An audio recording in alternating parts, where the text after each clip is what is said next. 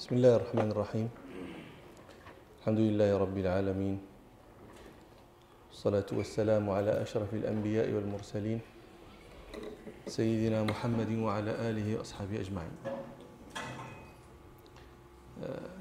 أشكر للإخوة في هذه المدرسة دعوتهم وسرتني أن ألبي هذه الدعوة.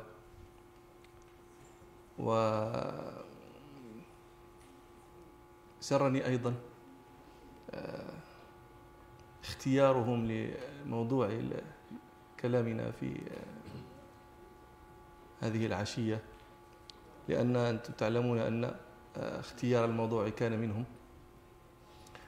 وأظن أن هذا الاختيار دليل على حسن عقولهم لأنهم كانوا يقولون اختيار المرء أمارة على عقله. والإخلاص هذا موضوع مهم جدا. موضوع مهم جدا لأنه به يكون نجاة المرء يوم القيامة. والإخلاص لا نقصد الإخلاص في شأن دون شأن ولكنه الإخلاص في شؤون كلها. الشؤون كلها. أنتم الآن يعني حتى فيما تزاولونه بعدما تتعلمون بعدما تتخرجون.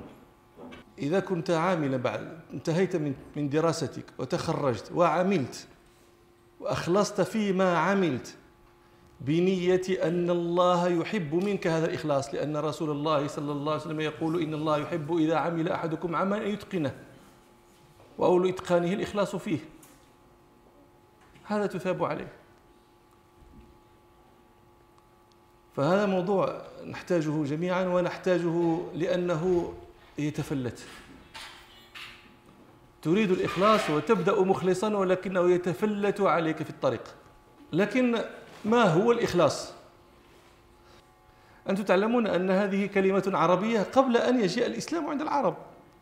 فالعرب تعرف كلمة الإخلاص وإن كان لا يوجد دين يطلب منهم الإخلاص فيه. فما هو الإخلاص؟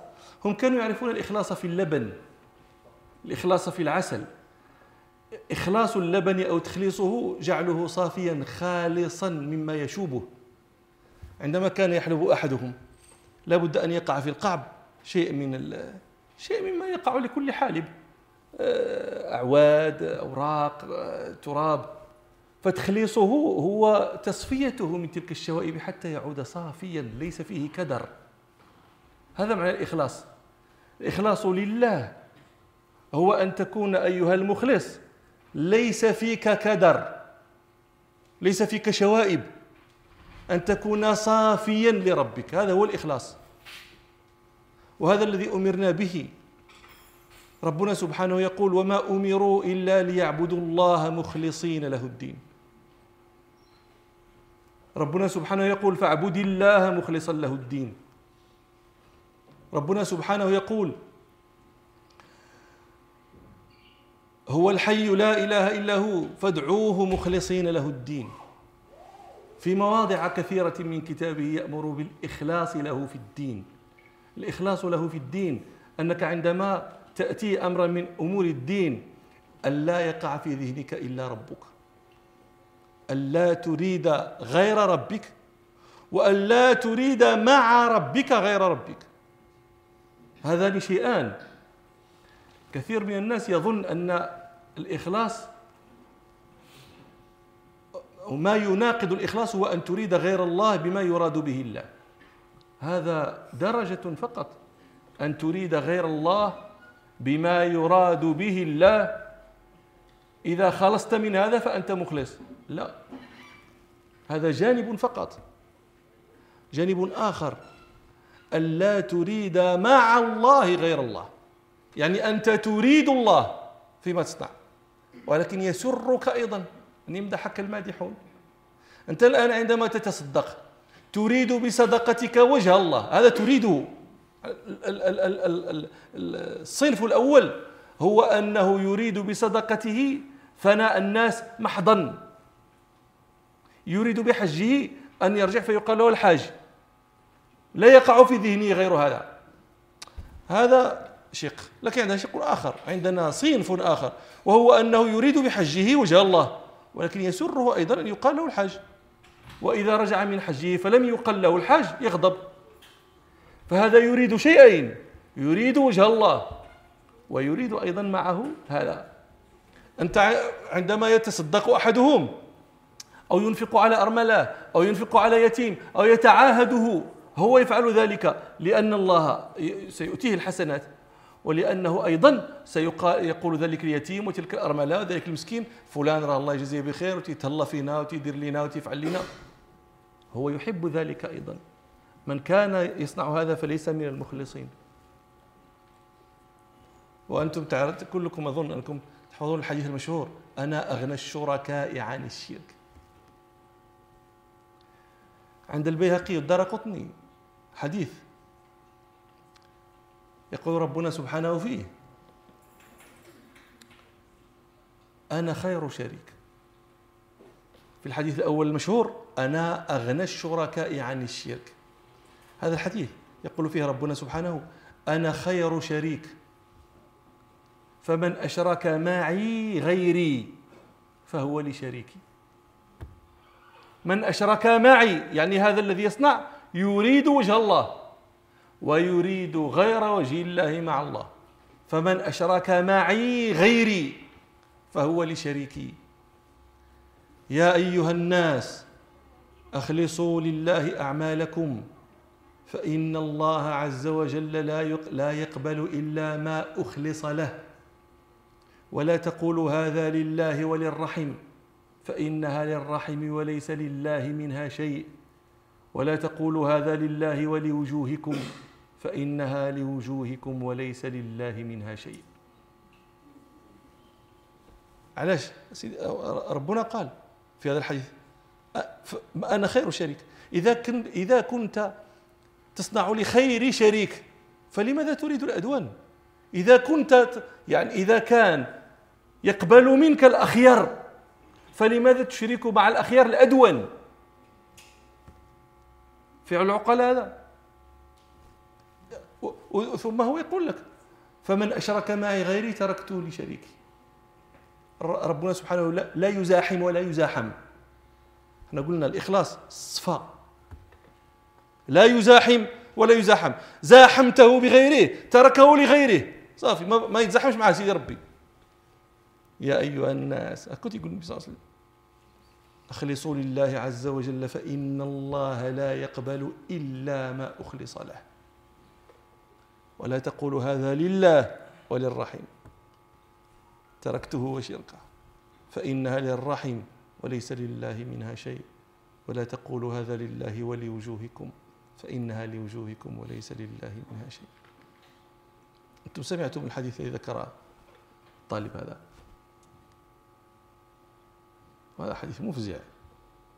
حديث مفزع. حديث مروي في الصحيح والترمذي وفي غيره.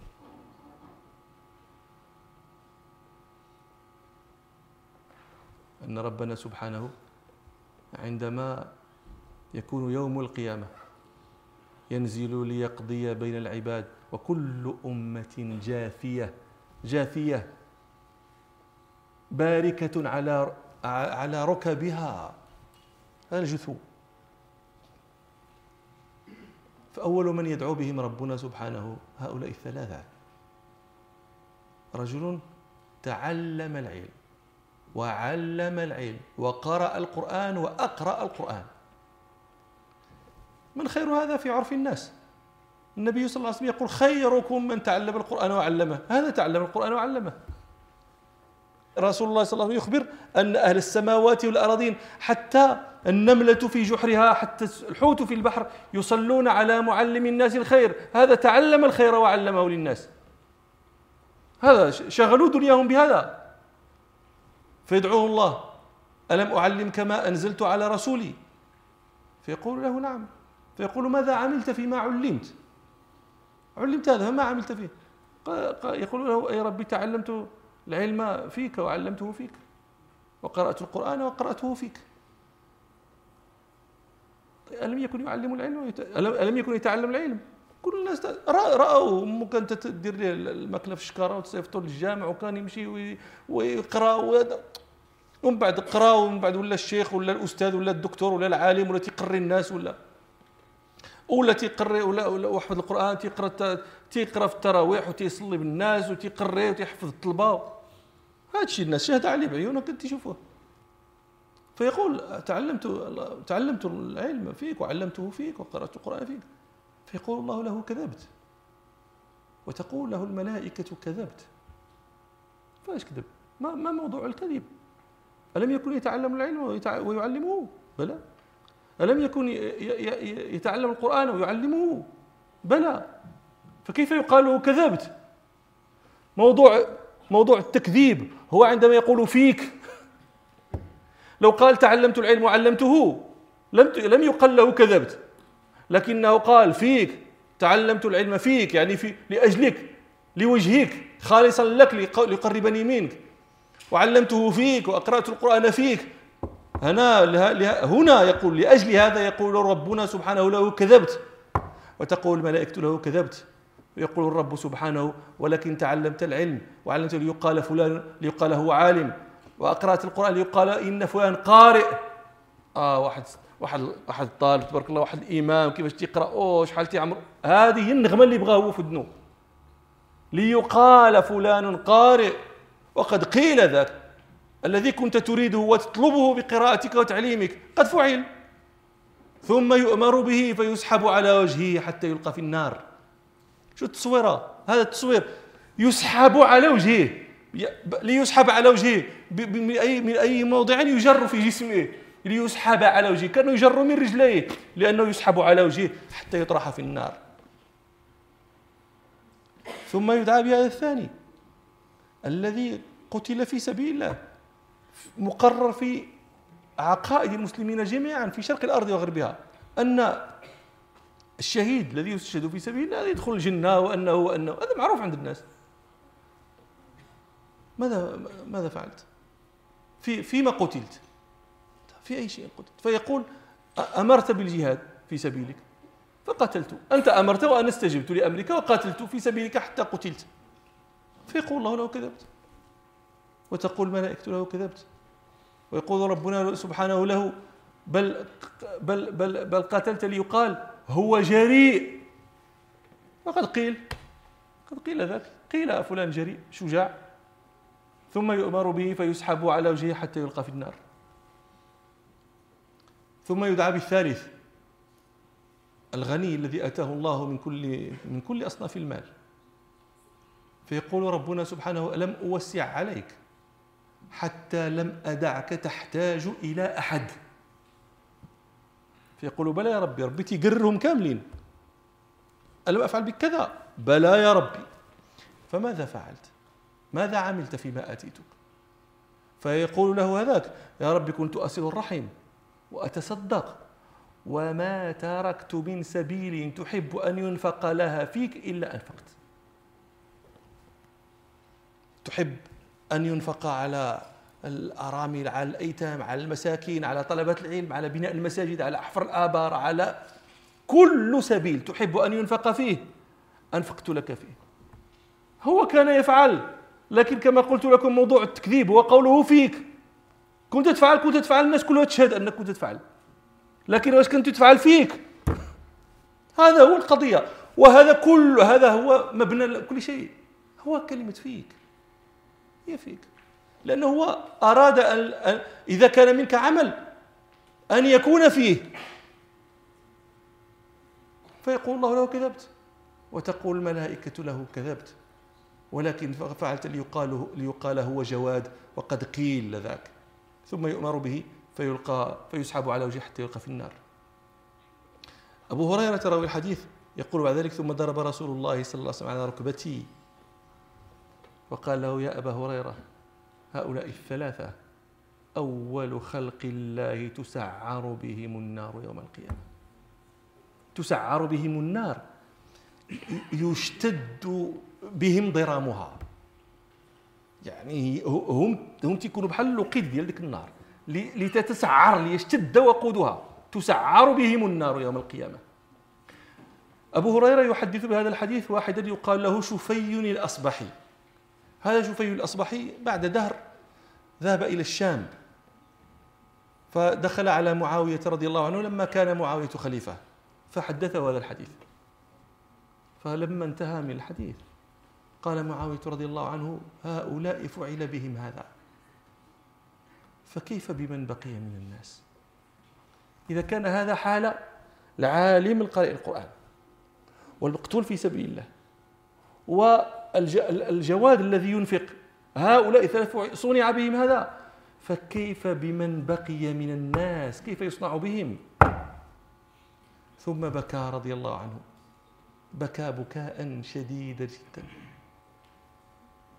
فلما أفاق من بكائه قال صدق الله ورسوله من كان يريد الحياة الدنيا وزينتها نوفي إليهم أعمالهم فيها وهم فيها لا يبخسون. من كان يريد الحياة الدنيا وزينتها بعمل الآخرة. يريد الحياة الدنيا بالعمل الذي تراد به الآخرة. لا تراد به الدنيا. ويريد زينة الحياة الدنيا بعمل هو تراد به الآخرة.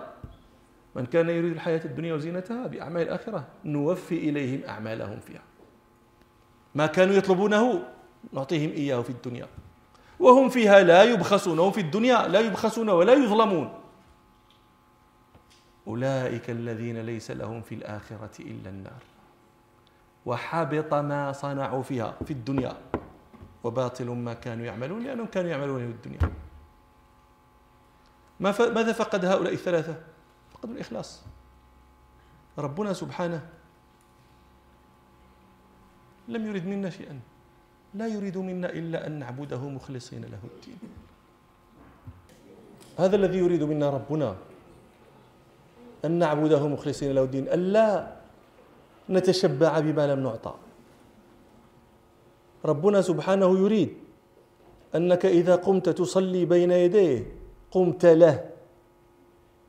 لا يخالط ذلك ذلك الشرك الخفي ذلك الشرك الذي يسمى في الشريعة. في الحديث الشرك الخفي يسمى شرك السرائر. السرائر جمع سريرة. هو أن يقوم الرجل فيحسن من صلاته لما يرى من نظر الناس إليه. صبح صايم ولكن الناس لا تعلم أنه صايم. وهو يحب أن يعلم أولئك أنه صايم. تبارك الله راسه تيصوم الاثنين والخميس. خصو كيفاش يدير يعرفوا هو ما عرفوا يوم القيامة ينادي مناد يخبر في, في الترمذي أن أنه صلى الله عليه وسلم يخبر أن يوم القيامة ينادي مناد من كان عمل عملا؟ يريد به أحدا. فليقم يأخذ ثوابه من ذلك الذي عمل له. الله ما غيعطيهش. وانت بعقلك انت بعقلك. تصنعون أشياء تكابدون فيها وتصابرون فيها وتتكلفون لها ثم لا تثابون عليها. واعلموا أن الإخلاص يصنع العجائب. الإخلاص يصنع العجائب. حديث تعرفونه جميعا. حديث الصحيحين حديث أبي هريرة حديث الثلاثة. الذين خرجوا الذين كانوا من قبلنا قبلنا. يخبر صلى الله عليه وسلم أن ثلاثة نفر ممن كان قبلكم خرجوا خرجوا في في في في حاجة له ففجأهم المطر فأووا إلى غار في جبل. فانحطت صخرة من رأس الجبل فانطبقت عليهم انطبق عليهم الغار. هذا وضع يقع لأي واحد في أي زمن. لا يضحك عليكم إبليس.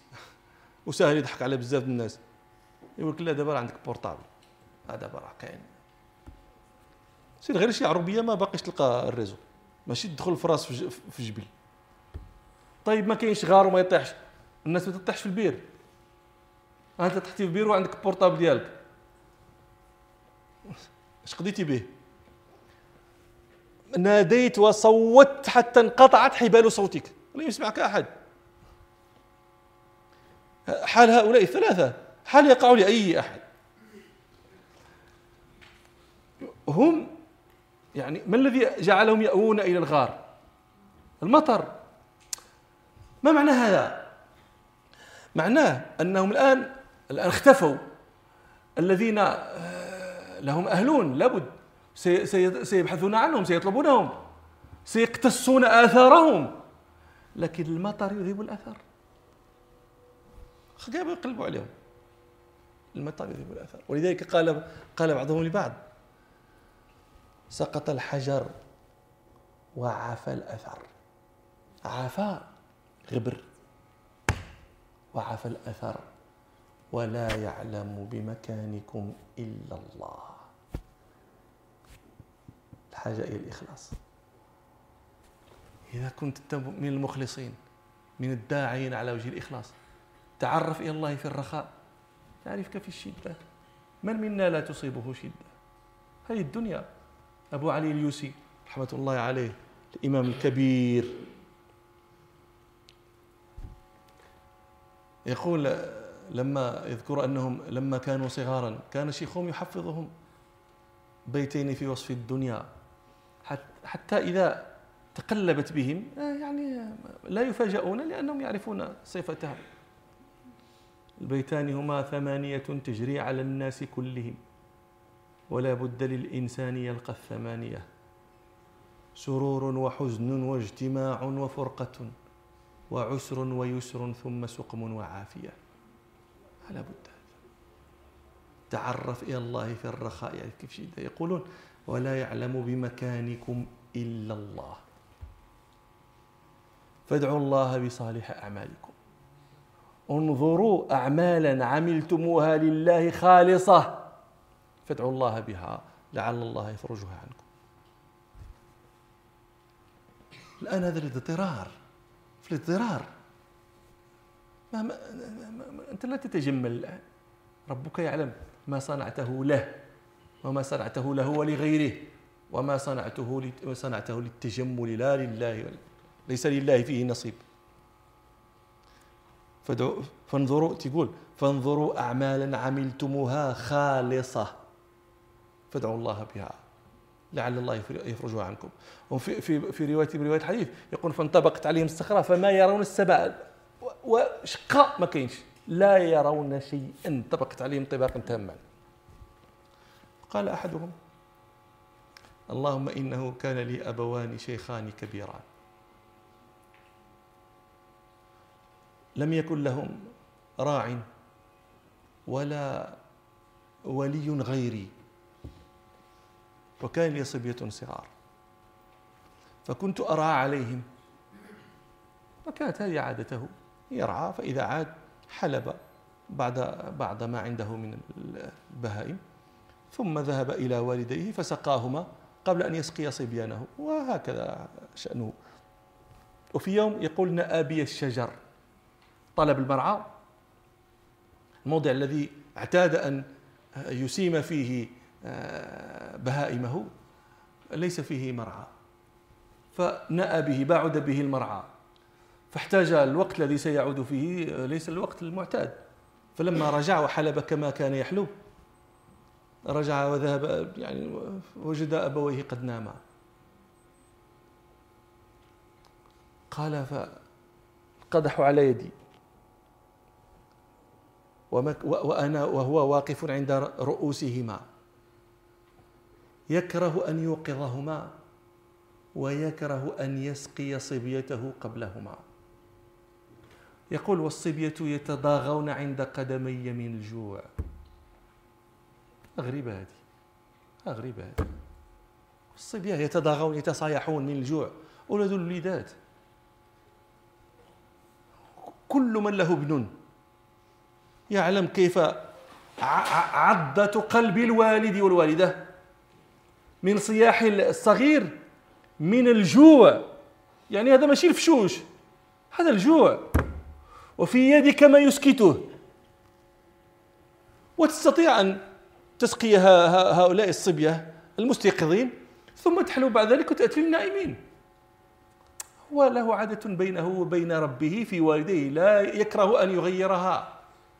فمكث قائما عند رؤوس يكره يقول أكره أن أوقظهما وأكره أن أسقي الصبية قبلهما. فمكثت حتى طلع الفجر. يعني شحال؟ ستة سبعة ثمانية سوايع هو واقف. والدراري بقاو تيبكيو حتى نعسوا بالبكاء ونعسوا بالجوع. هذا لا يعني أن الكبدة قاصحة. هذا يعني أنه هذا فقال حتى طلع الفجر فاستيقظا فشربا غبوقهما. الغبوق هو شراب المساء والصبوح هو شراب الغداء. الصباح. والناس كانت تأكل مرتين في النهار. هذا يعني أكثر أقلهم هذا المترف صاحب المال يأكل مرتين. وإلا فأكثر الناس يأكل مرة واحدة. إحنا ما داخلينش في الناس. نفطروا ومع العشرة ولا 11 نشربوا أتاي ومن بعد غدا ومن بعد اتاي مور العصر ومن بعد كاس كروت في العشية ومن بعد هذا شي حاجة ماشي صنع البشر هذا. واحد من علماء معروفين الشيخ زروق له كتاب اسمه النصيحة الكافية لمن سأل عن العافية. يقول في هذا الباب يقول كان أكثر الناس يأكلون مرة واحدة. المترى كان المترف يأكل مرتين. من أكل ثلاث مرات في اليوم فابني له معلفة؟ هذا خرج من جملة الآكلين صار في جملة العالفين وأربعة وخمسة الفقيه فعلى كل حال لهذا تجدون طعاما الغداء. الغداء. هو طعام الغداء طعام الصباح. والعشاء طعام العشي. شي حاجة شي حاجة ديال وسط النهار كاع ما عندهم هما. ما يعني ما كاينش داك الماكلة ديال وسط النهار وديال العصر وديال دابا تيسميو الترديدة والفطور. المهم يسيروا للبوادي وهذا غتلقاو تسميات. الشاهد أنه قال فمكث حتى طلع الفجر قال فاستيقظا وشربا غبوقهما غبوقهما في الصباح. المفروض أن يشرب صبوحهما لكنه لم يحلو صبوحا. هو ما زال في ما زال يحمل الغبوق الذي حلبه بالأمس. الشاهد ما هو؟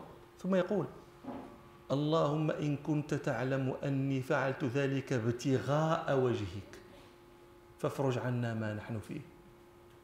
فتحركت الصخره حتى بدت لهم السماء. باش السماء يشوفها غير أنهم لا يستطيعون الخروج. تخيلوا أنتم هذا النفسية ديال هذا السيد هذا اللي تيدعي نفسيته دابا ديك الساعة كيفاش غيشعر هو؟ لما قال يا ربي صنعت صنعت صنعت فإن كنت فعلت ذلك ابتغاء وجهك فافرج عنا وتحرك الصخرة ديك الساعة. كيفاش يحس يعني راه يقول له ربي في ذاك الوقت كأن ربي قال له فعلت أعلم أنك فعلت ذلك ابتغاء وجهي. ديك الساعة بغات تجي الموت تجي. ربك تيقول لك ديك الساعة تيقول لك أنا عرفت أنه أنت راه مخلص. وهذاك الشيء فعلتيه لوجه الإخلاص وهذا الدليل. أنا تنحركها لك يا ربي فافرج. عن إن كنت تعلم أني فافرج. ها هو حركها لك سيدي ربي. ثم جاء الثاني. فقال اللهم إنه كانت لي ابنه عم. أحبها كأشد ما يحب الرجال النساء. وأردتها على نفسها. فتمنعت. حتى ألمت بها سنة من السنين. ما عندها ما تاكل ما عندها ما تشرب ماء وكين هو. فأتتني. فأعطيتها عشرين ومائة دينار على أن تمكنني من نفسها. بغيتي. هاك الفلوس. ولكن قال ففعلت. فلما قعدت بين رجليها قالت يا عبد الله اتق الله ولا تفض الخاتم إلا بحقه. الحلال اتق الله. قال فقمت عنها وإنها لأحب الناس إلي وتركت لها الذهب الذي أعطيتها. اللهم إن كنت تعلم أني فعلت ذلك ابتغاء وجهك فافرج عنا ما نحن فيه فتحركت الصخرة هذا فاجر كان هذا. ها فاجر هذا. يراود محتاجة قد عضها الجوع. يقول لها لا أعطيك ما تدفعين به جوعك حتى تمكني من نفسك. هذا فاجر هذا. ولكن شو التوبة؟ ديك اللحظة وشوف فين تاب. قعد منها مقعد الرجل من أهله. وديك اللحظة وهي مازال ما يأساتش منه. في ديك اللحظة وذكرته بالله. يا عبد الله اتق الله. ولا تفض الخاتم لا تكسر الخاتم إلا بحقه. وفي ذيك اللحظة أدركته رحمة سيدي ربي أدركته رحمة الله. وتاب إلى الله. وصنع ما صنع ولم يقم عنها رغبة عنها ولا زهدا فيها ولا من بغضها. قال فقمت عنها وإنها لأحب الناس إلي. وتركت لها الذهب الذي أعطيتها. اللهم إن كنت تعلم أني فعلت هذا ابتغاء وجهك. تقول لي الله إياه. نعم. فعلت ذلك ابتغاء وجهي وأنا أعلم ذلك منك. وتحركت الصخرة. هذا الإخلاص. الإخلاص يصنع العجائب في كل وقت. في كل وقت. هذه ماشي قضية وقعت دوك ثلاثة وصافي ودازت وتنعودها كأنها حكايات وقصص. هذه العبرة جاء الثالث فقال اللهم إني كنت استأجرت أجراء فعملوا عملهم وأخذوا أجرتهم إلا واحدا. كان استأجروا على فرق أرز. الفرق مكيال بحال تقول العبرة بحال تقول؟ على فرق أرز. هذا كأنه استقل ذلك الأجر فتركه وانصرف. يقول هذا فثمرت ذلك الأجر ذلك الفرق ثمرته. حتى كان منه الإبل والبقر والغنم والرقيق من هذاك العبرة ديال الروز. ثم بعد مدة رجع هذاك. وقال له يا يا عبد الله أدي إلي حقي. فقال له كل ما ترى من من الإبل والغنم والبقر والغنم والرقيق أجرك. قال يا عبد الله لا تستهزئ بي. فرق أروز تقول لي أنت دابا هذا الريوس ديال الغنم والبقر وأنتم دابا تعرفوا راس ديال الجمال. راه بكر غير صغير ماشي زعما شي حاجة كبيرة 7000 8000 مليون. هادو غير ديال الماكلة. اللي كيذبحوا في السواق. مليون. أنتم دابا العيد الكبير قريب. شحال الحواله والبقر بشحال؟ هذا البقر والغنم والإبل والرقيق. كل شيء هادشي ديالي. قال كل ما ترى هو أجرك. قال لا تستهزئ بي. قال أما إني لا أستهزئ بك. إيوا هادشي قال ديالي. إيه. فأخذه كله واستاقه وذهب به. ما تخلي حتى شوية تقول شكرا. كان باستطاعتي نقول لك آه، هاك ها فارق الأرز. ولا لا؟ يعني أنا أحسنت في في في في في هذا الذي صنعت. ألا تكافئ الإحسان؟ ما بغيتش ياك حقي هذا. حقك. بغي نديه. يقول هو فاستاقه كله. وهذاك خلاه يديه. اللهم إن كنت فعلت ذلك ابتغاء وجهك فافرج عنا ما نحن فيه. قال فتحركت الصخرة وخرجوا يمشون. أنا هذا الحديث عندما أذكره يجيئني تساؤل. إذا وقع لنا مثل ما وقع لأولئك واضطررنا أن نسأل الله بأعمال عملناها له خالصة هل نجد عملا ندعوه به؟ فتتحرك الصخرة لنا كما تحركت لمن قبلنا. يعني أنت هذا تساؤل كل واحد هو يشوف يقول له حصلت شي حصلت أنا بحال هكا. واش وبغيت نطلب الله أنا أنت سمعتي الدرس اليوم وأنت هذا الحديث عارفه من قبل كاع. وتريد أن تدعو الله بعمل خالص. ما عرفتش أنا مشات لك الأعمال خالص. وهذه مصيبة الإخلاص يصنع العجائب. والإخلاص يتفلت. الإخلاص يتفلت. قد تكون مخلصا وتبدأ مخلصا وتريد أن تكون مخلصا. لكن ماذا يقع؟ الطالب قرأ. وقرأ قرأ يا زينة ما شاء الله. إيوا في الأول هو تيتعلم التجويد وتيتعلم قواعد القراءة باش يقرأ كلام الله وباش لأن الله تعالى ما أذن الله لشيء أذنه كما أذن لنبي حسن الصوت بالقرآن أو لقارئ حسن الصوت بالقرآن يتغ... لحسن الصوت يتغنى بالقرآن. ربنا سبحانه لا ينصت لشيء إنصاته لقارئ حسن الصوت يتغنى بالقرآن.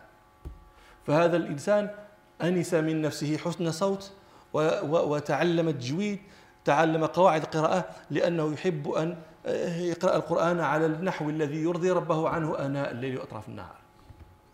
وطبعا لما عرف الناس أنه حسن الصوت بدأوا يقدموه. أجي قرأ لنا في المحاضرة قرأ لنا في في هذه المأدوبة قرأ لنا في هذه العقيقة. وفين ما تقرأ تبارك الله عليك الله يحفظك الله يفتح عليك تدعو معه. واستمر هكاك واحد ست شهور. واحد النهار جا واحد المأدوبة وقرا حتى واحد ما قال ليه حتى كلمة. ما قال الله يرضي عليك الله يفتح عليك الله يجزيك بخير. يطير ليه. حزت في نفسه شوية. يكون ما عجبتهمش. يكون ما عرفتوا شنو وقع؟ الإخلاص اللي كان في الأول. تفلت ليه؟ وهو لا يحس أنه تفلت. وهذا اللي يبغى لك الشيطان؟ أنك دير شي حوايج. تعمل عمل الآخرة الذي يعمل لله ولكن تريد به. وأنت في الأول ماشي هكا. أنت في الأول راجل مزيان. أنت في الأول بنت مزيانة. مع الوقت. ومع مدح المادحين. ولذلك تفهمون لماذا يقول رسول الله صلى الله عليه وسلم احثوا في وجوه المداحين التراب. المداح المداح. ماشي المادح. المادح هذا اسمه فاعل. مدحك فهو مادح. يقول الله يرضي عليك الله يفتح عليك. وأني في شي فين نتلاقاه البداح هو الذي يكثر المدح. هذا فعال وزن مبالغة. فعال. يعني ديما تيمدح ديما تيمدح هذا يهلكك. احثوه في وجهه التراب. ضربوا بالتراب وجهه. المهم هذا حديث دبر راسكم أنتم ذيك الساعة. لماذا؟ لأنه يكسر ظهرك. يفسد عليك نيتك. ويفسد عليك نيتك فيما لا يحسن فيه فساد النية لما الهلك والعطب فيه في آه، في فساد النية. فنسأل ربنا سبحانه أن يرزقنا الإخلاص. نسأل ربنا سبحانه أن لا يسلب عنا الإخلاص. كان من دعاء الناس. أقبل منا ما كان صالحا وأصلح منا ما كان فاسدا. أن الله لا يقبل إلا الصالح إلا إلا إلا إلا ما أخلص لربنا فيه. والله أعلم. والحمد لله رب العالمين.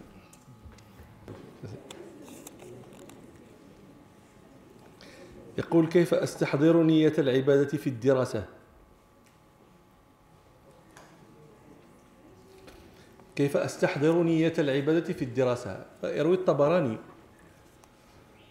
أن رسول الله صلى الله عليه وسلم كان مع بعض أصحابه فمر رجل فرأوا من جلده ونشاطه رأوا جلدا وقوة ونشاطا في ذلك الرجل فقالوا لو كان هذا في سبيل الله لو كان هذا النشط النشاط والجلد والقوة يصرفها صاحبها في سبيل الله.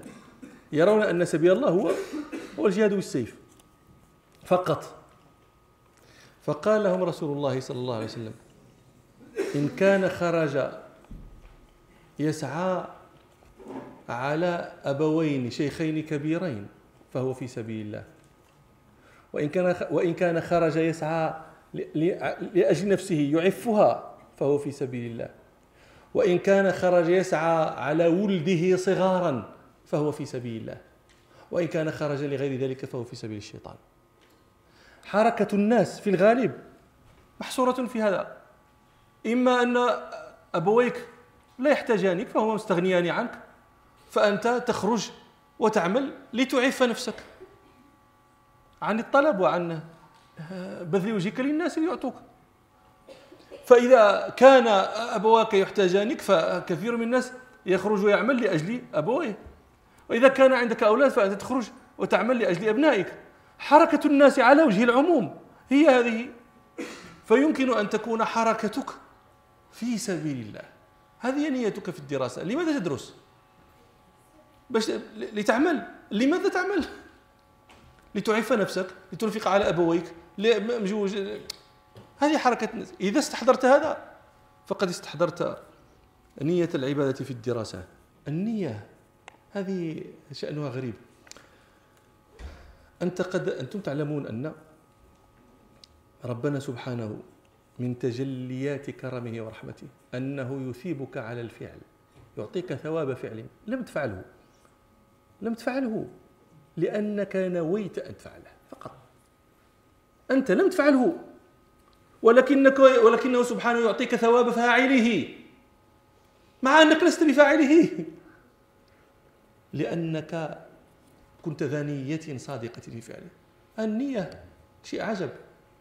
يك تحفظون حديث آه، إنما الدنيا لأربعة نفر. هذا حديث رواه أحمد وغيره. الدنيا يقول النبي صلى الله عليه وسلم إنما الدنيا لأربعة نفر. أربعة أقسام من الناس. رجل آتاه الله علما وآتاه مالا فهو يصل فيه يصل فيه رحمه ويعرف لله فيه حقه. فهو فهو بأفضل المنازل. أعطاه الله المال وأعطاه الله العلم فهو ينفق ويخلص فهو بأفضل المنازل. ورجل آتاه الله علما ولم يؤته مالا. فهو يقول لو أن لي مالا لعملت فيه مثل فلان. فهي نيته فهما في الأجر سواء. كيف يكون في وهذا انفق هذا لم ينفق. هذا فعل بالفعل. هذا برز منه الفعل. أنفق وأطعم وأعان و و و. فيثاب ولكن هذا لم يصنع شيئا. لكن ربنا علم منه صدق نيته أنه لو كان له من المال لصنع مثل هذا. يقول صلى الله عليه وسلم فهذه نيته فهما في الأجر سواء. ورجل أتاه الله مالا ولم يؤتيه علما هذا الثالث. فهو لا يصل فيه رحمه ولا يعرف لله فيه حقه فهو بأسوأ المنازل. ورجل لم يؤته الله مالا ولا علما فهو يقول لو أن لي مالا لعملت فيه عمل فلان. فتلك نيته فهما في الوزر سواء. ما دارش. وهو عنده الوزر بحال هذا. علاش؟ لأن ربنا علم منه صدق نيته في ذلك. صدق النية أنه لا يحول بينه وبين الفجور إلا أنه ما عندوش فلوس. تعطيه الفلوس يكون فاجر. راه فاجر بالفعل هذا. فهذه النية شيء عجب ولذلك سبحان الله العظيم العوام كانوا يقولون اللي ربح ربح بنيته واللي خسر خسر بنيته. على هذه. ربح ربح بنيته. لأن الله عرف أنه أنت تنوي قيام الليل. تنوي نية صادقة أن تقوم الليل. ولكن نعستي تطلع النهار حتى تدير الصبح. فات محل قيام الليل. الله يعطيك ثواب ما, ما باش عطاك وأنت ما قمتيش نشمعتي نعس مع راسك. في قمتي. هذاك اللي قام مسكين. ودابز مع النعاس وتا هو عزيز عليه النعاس تا هو باغي ينعس. ولكن هو دابز مع النعاس وهذا وفاق ومشى وعينيه مغمضين ودخل الحمام وتوضا وت... وانت ذاك الوقت اللي هو تيدير هادشي انت لا. ولكن اجركما سواء. نعم لأن الله علم منك صدق النية. ولذلك أعجبني جدا جدا جدا. رجل من العلماء عنده الطلبة. وهو جالس بينهم فطرق عليهم الباب طارق. فقام أحد الطلبة ليفتح الباب. فأمسكه شيخه. قال أين تذهب؟ قال افتح الباب. قال بنية ماذا؟ هذاك ما فهمش السؤال. بنية ماذا غنفتح الباب؟ بنية يفتح الباب. بنيتي ما نخليش في الزنقة نشوف شكون. ما فهمش السؤال. فماذا قال له شيخه المربي؟ قال له الآن تنوي إذا قمت. أنه إذا كان محتاجا لطعام أطعمته. أو إذا كان هذا الطريق محتاجا لشراب سقيته. أو إذا كان محتاجا للباس كسوته. أو إذا كان محتاجا لسؤال أجبته. فتكون لك أجور هذه النوايا كلها. إذا أنه ما يمكنش يكون هادشي كامل. ولكن الله يعطيك هادشي كله لأنه الله عارف صدق نيتك. اللي لقيتيه غتعاونه. خصو كذا خصو كذا خصو كذا. إذا تاب المرائي في أعمال صالحة مضت هل يرجع إليه ثوابها أم أنها ذهبت هباء منثورا؟ يعني هذا إنسان كان يرائي يعمل أعمالا صالحة على وجه الرياء ثم تاب إلى الله. تلك الأعمال التي عملها على وجه الرياء. هل ذهبت هباء منثورا؟ هي لم تذهب هباء منثورا. أنت أذهبتها هباء منثورا؟ ها؟ لأن أنت الذي عملتها كيفاش ذهبت. واش أنت سقديتيها وهي مشات ليك؟ ها؟ أنت أذهبتها هباء منثورا. لكن مع ذلك أقول لك إن طائفة من العلماء يرون أن الرجل أن المرأة إذا تاب وصدقت توبته فإن الله يبدل سيئاته حسنات. كما قال ربنا سبحانه وعباد الرحمن الذين يمشون على الأرض هونا وإذا خاطبهم الجاهلون قالوا سلاما والذين يبيتون لربهم سجدا وقياما والذين يقولون ربنا اصرف عنا عذاب جهنم إن عذابها كان غراما إنها ساءت مستقرا ومقاما والذين إذا أنفقوا لم يسرفوا ولم يقتروا وكان بين ذلك قواما والذين لا يدعون مع الله إلها آخر ولا يقتلون النفس التي حرم الله إلا بالحق ولا يزنون ومن يفعل ذلك يلقى أثاما يضاعف له العذاب يوم القيامة ويخلد فيه مهانا إلا من تاب وآمن وعمل صالحا فأولئك يبدل الله سيئاتهم حسنات وكان الله غفورا رحيما. فلذلك قال طائفة من العلماء إن من تاب وصدقت توبته فإن ربنا سبحانه يبدل سيئاته حسنات. ولذلك في حديث جميل جدا. يخبر فيه رسول الله صلى الله عليه وسلم عن آخر أهل النار خروجا من النار. آخر من يخرج من النار. ربنا سبحانه يدعى ثم ربنا سبحانه يقول لملائكته اعرضوا عليه صغار ذنوبه وارفعوا عنه كبارها. الكبار لا تعرضوها لكن اعرضوا الصغائر فقط. فيدعى وتبدا الملائكة تعرض عليه صغار ذنوبه. صنعت كذا وكذا يوم كذا وكذا. هو طبعا لا يستطيع إلا أن يقول نعم. صنعت كذا وكذا يوم. طبعا هذا هو يعلم أن هذه الصغائر فقط وتعرض عليه. لماذا تعرض؟ العقوبة. وهو خائف. هو هذه راه خايف منها لأنه تنتظر العقوبة. ولكن الهم الكبر. الهم الأكبر عنده لأجل الكبائر. وهو مشفق أن تعرض عليه. فإذا انتهى من عرض الصغائر قيل له لك مكان كل سيئة عملتها حسنة. فيقول ربي إني عملت أشياء أخرى. لا أراها هنا. فشاف القضية. فهذا ونحن نسأل ربنا سبحانه أن يبدل سيئاتنا حسنات ونسأله سبحانه أن لا يرينا أعمالنا حسرات. طيب لعلنا نكتفي بهذا. سبحانك اللهم وبحمدك أشهد أن لا إله إلا أنت أستغفرك وأتوب إليك والحمد لله رب العالمين.